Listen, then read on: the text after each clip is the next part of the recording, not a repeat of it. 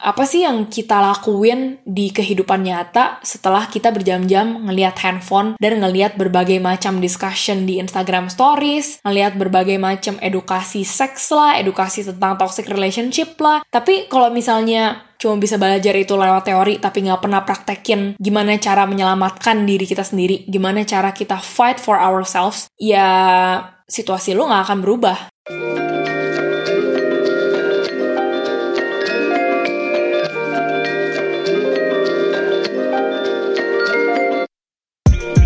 Halo semuanya, selamat datang di podcast Habjat Tersirat, episode yang ke-8. Dan di episode kali ini, gue akan ngebahas tentang pengalaman gue saat pernah berada di lingkungan pekerjaan yang toksik. Yaitu waktu gue ngajar nari di Australia sekitar 3 tahun yang lalu. Selain itu, gue juga akan share ke kalian tiga hal penting yang membantu recovery gue after keluar dari lingkungan kerja yang toksik.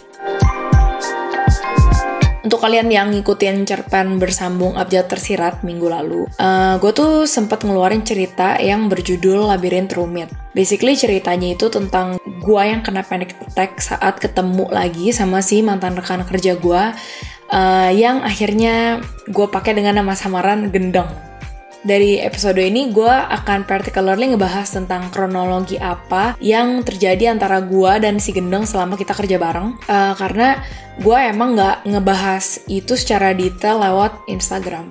Nah, karena detail cerita ini aslinya tuh cukup panjang, gue akan ceritain tiga babak biar kalian nggak bingung dengerin alur ceritanya. Yang pertama itu tentang uh, background gue selama sekolah dulu dan isu self-esteem gue. Terus yang kedua itu adalah part di mana kronologi gue kerja bareng sama si Gendeng. Dan yang terakhir momen saat gue udah pindah ke Madrid tapi masih juga dihantui sama kasus si gendeng ini yang akhirnya memaksakan gue untuk speak up ke bos gue walaupun gue udah di Madrid saat itu. Jadi babak pertama dulu, Kenapa gue mau bahas ini dulu? Karena ini akan ada hubungannya sama si gendeng dan juga akar permasalahan dari panic attack gue.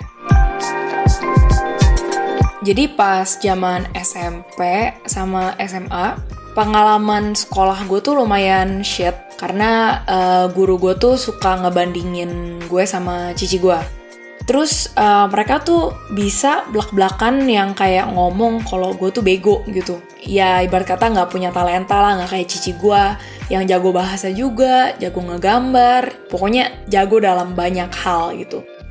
Uh, guru-guru gue tuh saat itu bener-bener nggak berasa feel sorry ya mungkin mereka malah ngerasa gue tuh berhak untuk mendapatkan perlakuan itu karena memang gue dianggap semacam pecundang lah mungkin. Tapi saat itu gue tuh nggak tahu gimana cara manage uh, kemarahan gue insecurity gue rasa malu dan juga kecewa.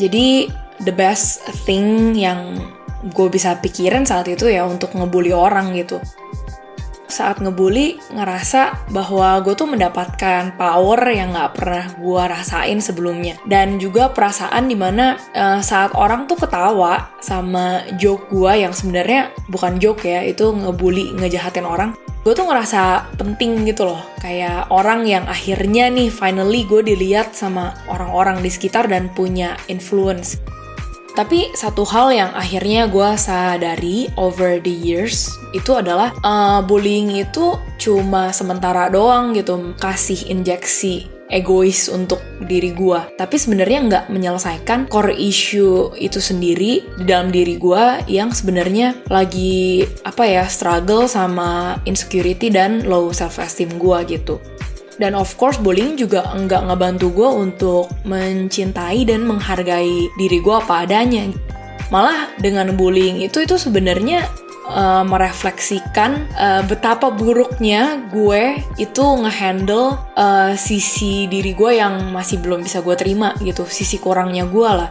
Eh, sebenarnya tuh orang yang bullying kalau di mata gue karena gue juga pernah ngebully orang ya itu bukannya powerful seperti yang lo lihat. Bu orang yang bullying itu malah sebenarnya orang yang bener-bener tuh helpless dan powerless banget dan kosong banget di hatinya sampai mesti ngejahatin orang lain untuk berasa powerful gitu atau merasa berguna akhirnya gue kan pindah ke Perth waktu gue selesai SMA. Terus uh, at that time tuh gue bener-bener working a lot on how to manage my low self esteem sama insecurity gue in a healthier way, which is nggak projecting itu ke orang lain dengan bullying. Short story, gue tahun 2013 join swing dancing atau disebutnya Lindy Hop. Dan di sana tuh gue akhirnya baru bisa pelan-pelan menggali talenta gue dan uh, explore hobi yang baru. Terus dari uh, nari yang tadinya sekedar hobi, tiba-tiba nih di tahun 2016 hobi nari gue ini mengalami puncak uh, kesuksesan yang tidak terduga-duga gitu. Jadi waktu tahun 2016 itu uh, gue pertama kalinya compete dan juga pertama kalinya menang di kompetisi pertama gue uh, dan itu menangnya di dua kategori. Anyway, uh, beberapa bulan kemudian ada satu event lagi dan ini event lumayan gede di Perth. Ini kayak annual event yang diadain setiap bulan April, namanya tuh Hula Balu. Dan di event ini tuh lu bisa kayak apa ya ikutan workshop dari uh, international teachers yang diundang dari luar Australia. Terus lu bisa ikutan compete juga dan di event Hula Balu ini gue ikutan compete lagi dan surprisingly lagi gue menang. Kemenangan yang kali ini uh, kayaknya tuh bener-bener bikin apa ya attract attention orang-orang gitu. Karena saat itu gue baru nari 3 tahun. Terus uh, untuk ukuran banyak orang mungkin tiga tahun itu kayaknya something yang apa ya lu bisa menang compete berkali-kali. It shows that ini orang punya talent gitu. Dan dari situ juga gue sadar akhirnya wah gila kayaknya emang uh, nari ini bukan cuma hobi doang dan ini bisa jadi something yang gue kembangin untuk jadi karir uh, di ke depannya. Apalagi saat itu kan gue juga tahun 2016 itu gue baru selesai graduate gue masih dalam transisi cari kerjaan gitulah. Dan setelah gue menang kompetisi ini dan itu akhirnya gue di approach sama salah satu sekolah. Sekolah nari ini cukup famous di Perth dan gue tuh bener-bener proud banget saat gue di approach sama sekolah ini untuk ngajar nari. Nah, gue akhirnya terima offer untuk ngajar nari di sekolah ini, which is ini adalah gerbang uh, neraka pertama pembuka dari kisah untuk episode yang kali ini karena ini di mana gue ngajar nari pertama kalinya sama si Gendeng Oke, jadi kita sudah memulai nih ya ke babak kedua yang cukup hangat.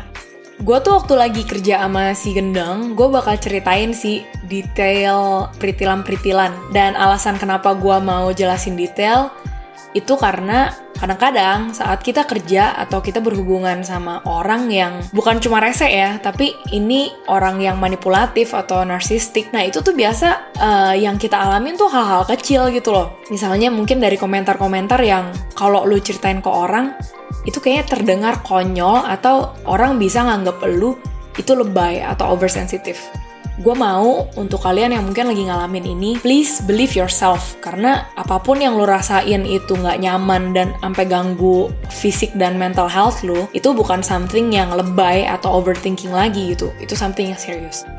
Dan inilah cerita gue sama si Gendeng.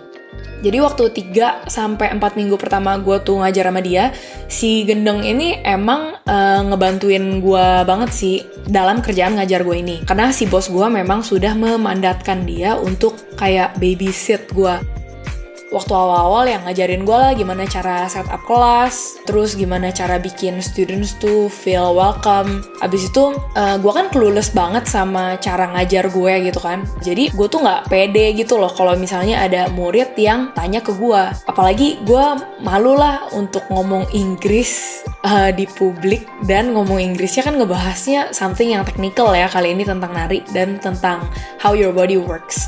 Jadi uh, si Gendeng yang sudah lebih berpengalaman di minggu-minggu awal gue ngajar tuh dia ngebantuin ngejawabin untuk gue. Dan waktu kita menjalani bulan kedua ngajar bareng, uh, si Gendeng tuh udah mulai memberikan kebebasan lah sedikit gimana cara gue running kelas. Terus uh, dia juga ngebiarin gue untuk ya mulai berani sedikit lah ngejelasin tanpa bantuan dia gitu. Tapi lama-lama entah kenapa saat gue mulai apa ya berusaha untuk jadi diri gue sendiri, gue notice si gendeng nih jadi kayak lebih gampang bete kalau gue lagi made a mistake. Misalnya nih, contoh ya, contoh. Gue tuh nggak gitu teliti dalam menghitung duit. Nah, waktu misalnya gue lagi salah ngitung duit dari murid yang ngebayar kelas hari itu, pernah sekali si gendeng tuh ngomong gitu ke gue after kita selesai kelas, dan mukanya tuh serius banget sambil ngomong, you need to step up your game. As silly as it sounds, gue bener-bener mau nangis waktu dia ngomong gitu. Soalnya dia yang awalnya jadi mentor gue di bulan pertama tiba-tiba berubah jadi kayak gini gue jadi shock. Tapi saat itu ya udah gue cuma mikir bilang ya udahlah nggak usah oversensitive lah cing. Lu juga udah ngelakuin ini berka berminggu-minggu salah mulu jadi ya nggak heran lah si gendeng tuh marah sama lu teaching sama dia itu bener-bener trigger a lot of shitty memories gue saat gue sekolah di masa-masa SMP sama SMA yaitu Unita the Loser ada banyak kejadian-kejadian kecil antara gue sama dia yang dia tuh bener-bener micromanage gue banget saat gue kerja. Jadi every little uh, single detail yang gue kerjain itu pasti dikomentarin sama dia. Nah, pernah tuh sekali hal yang cukup aneh ya, tapi nyata. Waktu itu kita lagi ngajar bareng. Dan kalau misalnya kita uh, ngajar itu, kita kan udah pilih tuh ada beberapa moves yang mau kita ajarin, misalnya move A dan B. Tapi sebelum kita suruh murid-murid kita untuk ngelakuin si move A, ya kita kasih demo dulu lah dikit kayak gimana move-nya. Nah, waktu gue lagi ngelakuin si demo ini sama si gendeng, gue gak sengaja nginjek kakinya si gendeng di depan semua orang. Wajar dong kalau misalnya gue ngomong sorry. Tapi, entah kenapa nih ya, si gendeng ini, pas gue ngomong sorry, dia tuh langsung ngebisikin gue ngomong, You don't need to say sorry in front of our students gue jadi makin bingung dong nih orang kerjanya kayak gimana sih caranya. Dan pernah tuh sekali juga tentang isu sorry ini gue pernah uh, lagi ngebantuin murid gue yang kebingungan sama a certain move lah intinya itu. Dan gue tuh ngejelasinnya kayaknya kurang jelas. Jadi akhirnya dia salah dan gue ngomong sorry si Mr. Micromanage ini ternyata merhatiin gue dari seberang. Dan waktu dia ngeliat gue ngomong sorry, dia tuh langsung melototin gue, terus dibahas lagi after class. Itu gak usah ngomong sorry, kenapa sih? Itu tuh student kita. Ya, I don't get the logic gitu loh. Cuma at that time gue gak berani questioning dia, gue juga gak berani confront atau communicate apa-apa ke dia, karena gue mikir saat itu kan dia yang lebih punya pengalaman ngajar udah dua tahun. Dan sedangkan gue tuh baru jadi kadet teacher gitu. Teacher yang kayak in lah. Makin lama keadaannya makin parah.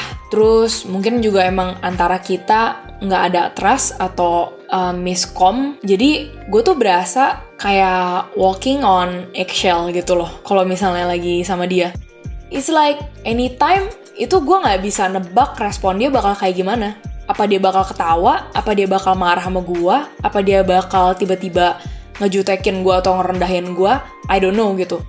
Gue tuh sering banget merasa kayak dia secara nggak langsung merendahkan dan mempertanyakan kompetensi gue. Padahal waktu awalnya tuh gue ngajar bareng sama dia, dia tuh bener-bener ngebuji-muji gue tuh udah kayak apa tahu di depan kelas. But somehow mungkin saat gue udah about to get my confidence langsung kayak dijatoin gitu ke bawah dan dari kejadian yang sorry itu tuh gue mulai berasa uneasy gitu mungkin itu kelihatannya hal simple. Tapi kalau untuk gue gue jadi mikir gini ini tuh hal yang menurut gue nggak gitu meter loh. Tapi ini bisa bikin lu marah. Jadi hal apa lagi nih yang menurut gue nggak meter tapi bisa bikin lu tiba-tiba meledak gitu ke gue singkat cerita, gue sempet sebulan nggak ngajar sama dia karena dia traveling ke Europe selama sebulan itu untuk nari dan gue punya substitute teacher dan waktu ngajar sama dia tuh bener-bener experience yang totally different sama si gendeng dan dari situ gue akhirnya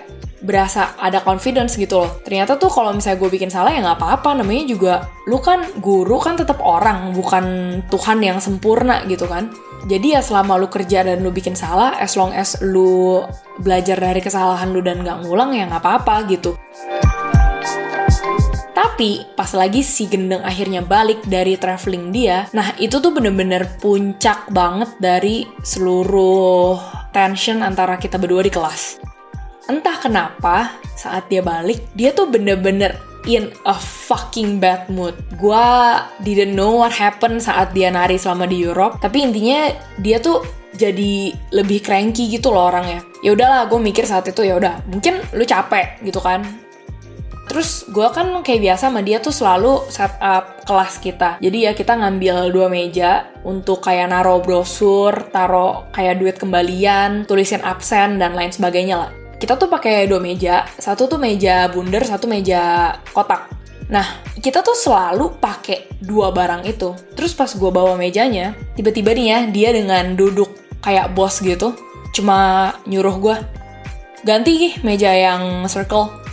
Terus gue nanya dong, kenapa diganti? Ada yang salah? Dia malah jawab, well, nothing's wrong, I just don't like the shape. Gue langsung kayak kesel dong, soalnya gue mikir, ini orang maunya apa sih? Nggak ada masalah apa-apa terus gue perlu ganti mejanya cuma karena lu don't like the shape gitu. Padahal kita berbulan-bulan ini tuh selalu pakai uh, meja yang sama. Ya udah lah ya gue mikir udah deh gue gue have no time and energy untuk argue sama dia soal hal itu. Gue brush it off aja dan ya udahlah ganti whatever shit yang dia mau. Terus nggak lama kita prepare kelas. Jadi uh, kita kayak review hal apa yang mau kita ngajar hari itu dan waktu lagi kita review itu ada satu move yang gue nggak gitu ngerti itu apaan. Jadi gue tuh kayak salah-salah mulu. Terus gue tanya dong sama dia kayak maksudnya ini gimana sih caranya? Terus gue masih nggak ngerti. Anyway short story. Dia langsung stop terus dia ngomong ke gue dengan bener-bener muka yang rendahin banget. Come on man. This is a simple move. Like what's wrong with you itu sih momen di mana gue langsung mikir wah tai. Ini kelas nih bakalan torture banget nih buat gue kayaknya. Soalnya udah lama nggak ketemu sama dia tiba-tiba dia balik langsung kayak gini gitu kan. Ya udah akhirnya confidence gue yang udah gue build selama dia tuh pergi ke Europe hancur aja gitu. Kayak bener-bener dia nggak menghargai apa pun yang gue lakuin apa pun semua improvement yang gue coba itu selalu salah di mata dia. Akhirnya level 1 berlalu dan di jam berikutnya kita ngajar di level yang kedua. Dan saat itu gua sama si Gendeng udah decided untuk add move baru di koreo yang biasa kita jalanin. Jadi itu keputusannya adalah si Gendeng masukin move A dan gua masukin move B. Pas lagi kita mau ngajar ke student, ya si Gendeng explain part dia dong yang move A. Habis itu gantian gue, gue yang explain part gue di move B. Dan pas gue lagi jelasin ya, si gendeng ini ngeliat gue lagi across the room, terus ngeliat gue tuh kayak yang ngerendahin lagi gitu, terus ngomong di depan semua kelas, actually no, we're not gonna do that, it doesn't make sense. Terus gue langsung dalam hati tuh mikir anjing mau lu apa ya?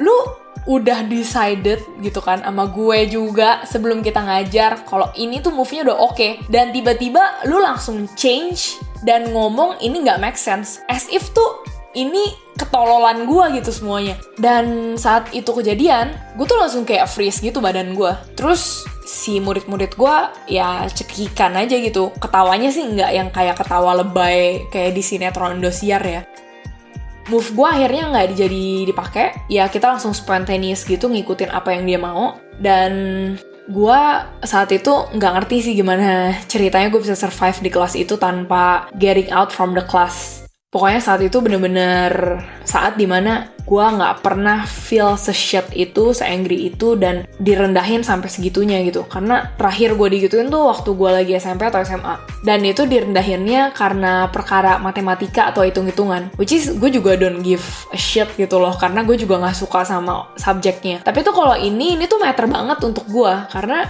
ini nari, dan gue tahu gitu loh, gue tuh ada talent di bidang ini. It's just like gue cuma perlu pengalaman lebih dalam ngajar dan gue cuma perlu trial and error aja gitu. Jadi tuh kalau misalnya dia gituin gue itu seakan-akan kayak mau matiin karir gue sih di nari. Itu yang apa ya to the point di mana menurut gue sampai serius banget efeknya di mental health gue gitu. Uh, setelah kejadian itu gue nggak tau lah apa yang si gendeng omongin ke bos gue. Tapi intinya kita kan ngajar hari Senin dan beberapa hari kemudian, gue tuh dapet message dari si bos gue uh, yang ngomong intinya gue bakal digantiin sama cewek lain yang juga lagi di training untuk jadi guru. Jadi sekarang uh, status gue gue jadi backup teacher aja gitu.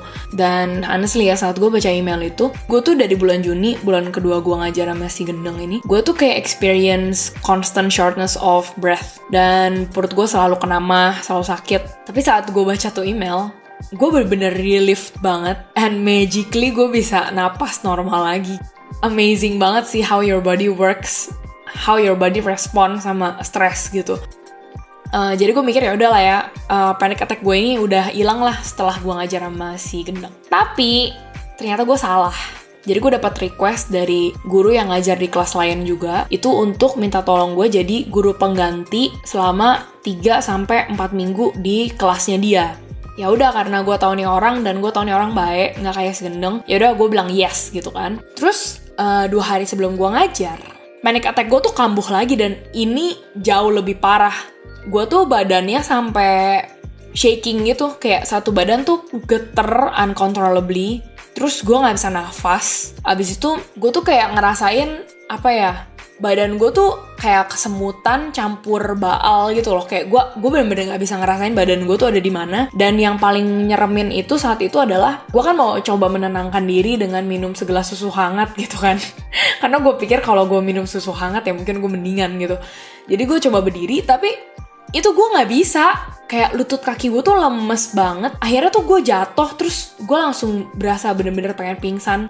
Uh, untungnya hari itu uh, suami gue lagi ada di rumah karena kan weekend. Dan itu sih momen di mana gue realize the idea of teaching swing dancing itself itu trigger anxiety gue karena apa ya mungkin gue jadi kayak get the feeling or flashback again momen di mana si gendeng tuh treat gue like I'm the most useless teacher ever.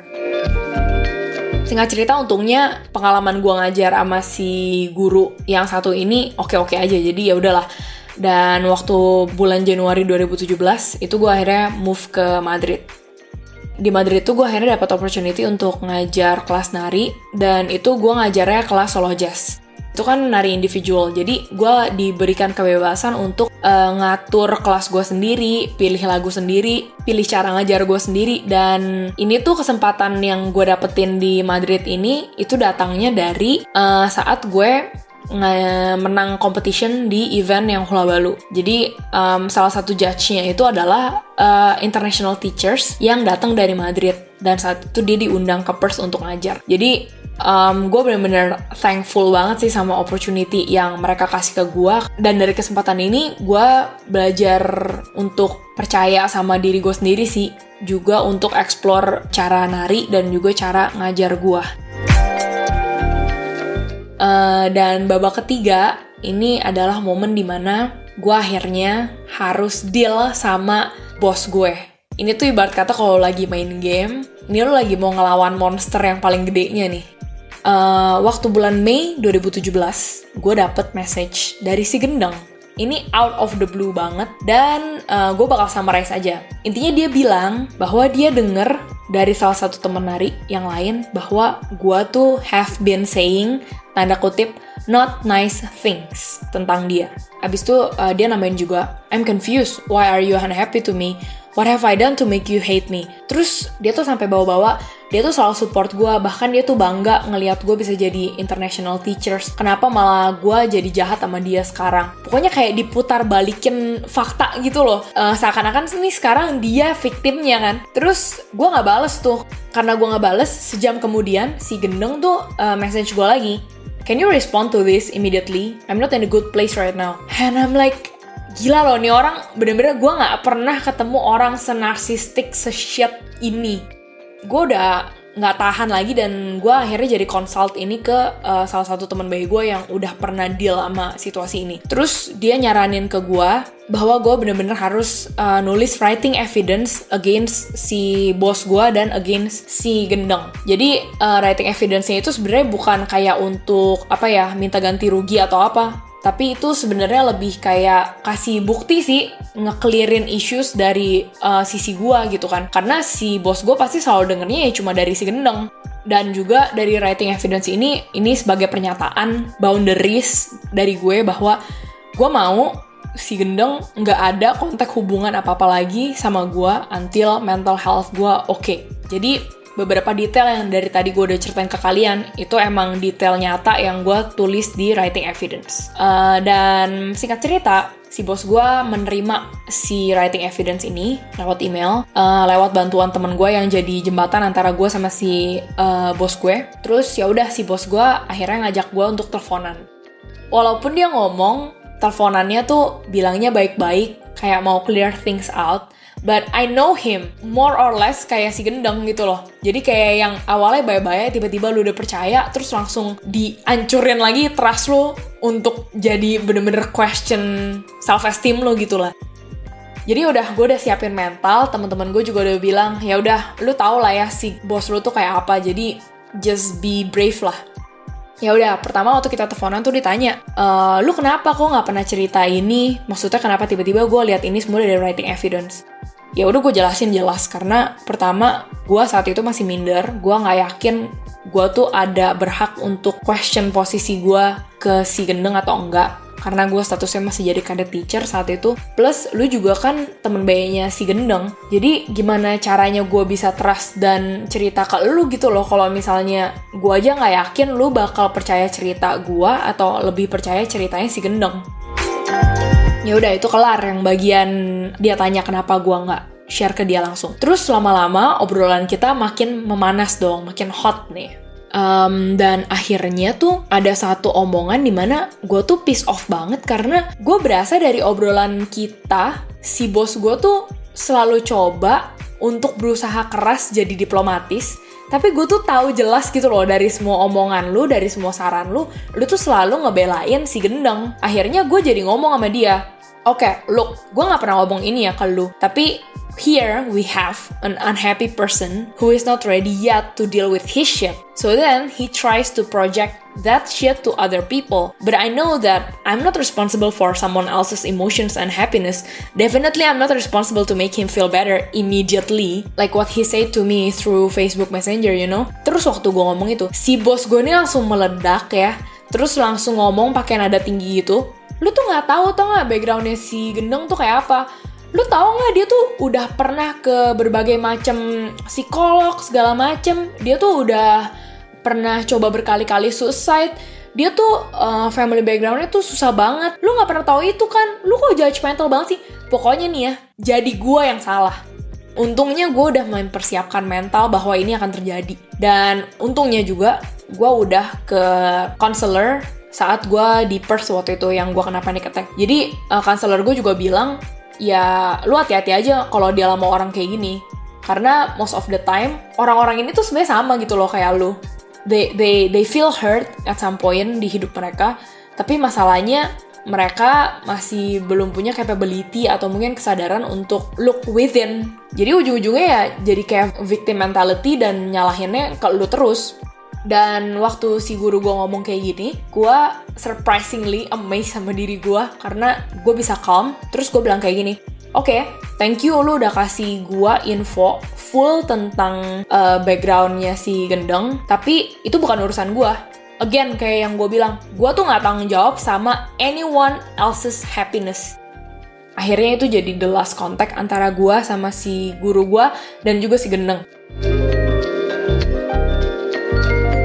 Jadi bagian kronologi itu semuanya tetek bengek gue selama berada di toxic workplace sudah selesai. Untuk penutup nih, seperti yang sudah gue janjikan, gue akan share tiga hal penting yang uh, menurut gue membantu recovery gue after keluar dari lingkungan kerja yang toxic. Tapi sebelum gue ngebahas itu, rasanya kata-kata toxic itu lumayan overrated ya. Kayak dipakai berkali-kali. Mungkin banyak dari kita sampai udah lose the meaning of it atau agak bingung sama meaning toxic itu apa. Dan waktu itu gue pernah buka uh, discussion di Instagram Stories tentang toxic relationship. Uh, ada pertanyaan di mana gue tanya, menurut opini kalian semua, toxic relationship apa sih? Dari beberapa jawaban ada yang bilang toxic relationship hubungan yang bikin kita nggak bisa jadi diri sendiri. Ada juga yang bilang hubungan yang menurut gue bring the worst of each other dan suck up energi kita habis-habisan. Ada juga yang bilang bikin diri jadi nggak sehat, baik mental maupun fisik, dan nggak support perkembangan kita dengan baik or even worse menjatuhkan kita. Jadi dari opini itu gue cuma mau mengingatkan kalian bahwa toxic relationship itu bukan semata-mata bahwa oh kalau lu lagi deal sama orang yang rese gitu. Ya ini berarti toxic relationship. Ya nggak semuanya bisa dibilang kayak gitu gitu. Uh, but anyway ngomongin tentang toxic relationship menurut gue mau di tipe hubungan apa pun entah itu di kerjaan entah itu pasangan uh, keluarga atau diri sendiri toxic relationship itu punya pola yang sama seperti yang tadi udah gue sebutin dan menurut gue tiga hal penting yang ngebantu gue recovery itu after keluar dari lingkungan kerja yang toxic adalah pertama itu untuk minta bantuan profesional. Dan yang gue maksud di sini adalah minta bantuan konselor, psikolog atau psikiater. Kalau lu misalnya merasa malu atau lu ngerasa gengsi, takut, ragu untuk pergi cari bantuan profesional ini, ya itu nggak apa-apa, itu wajar gitu loh. Karena gue pun juga ngerasa kayak gitu saat harus pergi cari konselor untuk pertama kalinya. Karena gue merasa kalau lu dapat bantuan mental itu artinya lu orang gila. Karena banyak kan stigma di mana orang yang cari konselor, orang yang cari psikolog atau psikiater ya itu cuma orang gila doang. Padahal kan enggak gitu setidaknya sih kalau misalnya lu pergi ke bantuan profesional ya, itu ngebantu lu untuk bisa ngeliat masalah lu dari sudut pandang yang lebih besar. Jadi nggak semata-mata cuma selesai di menyalahkan diri lu atau menyalahkan orang lain gitu. Dan menurut gue sih pemikiran ini tuh penting banget karena ini jadi awal untuk kita belajar ngegali segala trauma dan kesalahan kita di masa lalu dengan mindset yang lebih positif. Terus hal kedua yang penting itu adalah diri lu. Karena nggak ada lagi yang bisa menyelamatkan lu selain diri lu sendiri gitu loh. Ini tuh penting banget untuk kita remind diri kita berkali-kali bahwa kita nggak ada tanggung jawab atas kebahagiaan siapa pun. Entah itu kebahagiaan pasangan kita, entah itu anggota keluarga kita, atau itu kebahagiaan temen kita gitu bukan berarti kita bisa ngelakuin orang semena-mena ya. Tapi gue mention ini penting karena kebanyakan dari kita mikir bahwa kita tuh harus banget kayak udah kewajiban kita lahir di dunia ini untuk membahagiakan semua orang di dunia ini. Dan perihal tentang uh, membahagiakan seluruh orang di sekitar lu, itu tuh kenapa impossible? Karena menurut gue prinsipnya adalah cuma lu doang yang bisa uh, mencari kebahagiaan lu sendiri Cuma lu doang yang bisa bikin air di gelas lu yang lagi lu pegang ini penuh. Dan kalau misalnya air di gelas lu penuh, ya udah di situ lu akhirnya bisa berbagi kebahagiaan dengan orang lain. Kalau misalnya lu aja juga perlu air, at the same time lu dipaksa untuk terus-terusan ngebahagiain orang lain, ya itu yang ada malah jadi tarik-tarikan bukan cuma mereka doang yang bisa negatif ke lu, tapi juga sebaliknya. Lu juga lama-lama bisa jadi negatif dan uh, kayak apa ya, kayak tarik-tarikan approval atau jadi makin demanding towards each other gitu. Dan ini makanya kenapa gue bilang uh, better untuk lu minta bantuan profesional. Selain lu mengingatkan diri lu bahwa lu nggak bertanggung jawab sama kebahagiaan siapa pun. Karena lewat bantuan profesional ini mereka itu punya posisi yang jauh lebih netral dibanding keluarga kita atau teman kita atau pasangan kita untuk kita bisa keluar dari situasi hubungan yang mungkin tidak sehat. Terakhir, ini tentang speak up atau standing up for yourself. Nah, menurut gua, untuk bisa speak up itu adalah skills di kehidupan yang paling penting tapi susah juga untuk dibangun. Untuk gue sendiri kasusnya, gue tuh butuh bertahun-tahun untuk ngelatih skills ini. Sama halnya kayak gue melatih skills gue dalam nari, gue ngelatih skills gue dalam nulis. Ya itu semuanya nggak ada orang yang jago dalam satu hari kan. Dan gue nggak percaya ada orang yang terlahir berani. Kenapa gue ngomongin tentang speak up itu penting banget? Karena di zaman sosial media, apalagi di zaman uh, Instagram tuh udah bisa jadi platform curhat online. Banyak banget pasti yang pernah kirim direct message ke beberapa account curhat. Entah itu untuk nyari advice, entah itu emang cuma mau curhat doang, entah itu mau dapet encouragement, apa pun lah yang lu mau dapet dari cerita lewat Instagram.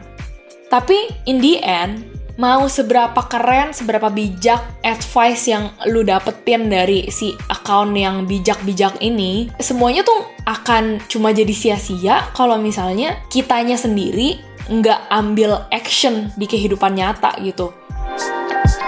Apa sih yang kita lakuin di kehidupan nyata setelah kita berjam-jam ngelihat handphone dan ngelihat berbagai macam discussion di Instagram Stories, ngelihat berbagai macam edukasi seks lah, edukasi tentang toxic relationship lah. Tapi kalau misalnya cuma bisa belajar itu lewat teori tapi nggak pernah praktekin gimana cara menyelamatkan diri kita sendiri, gimana cara kita fight for ourselves, ya situasi lo nggak akan berubah.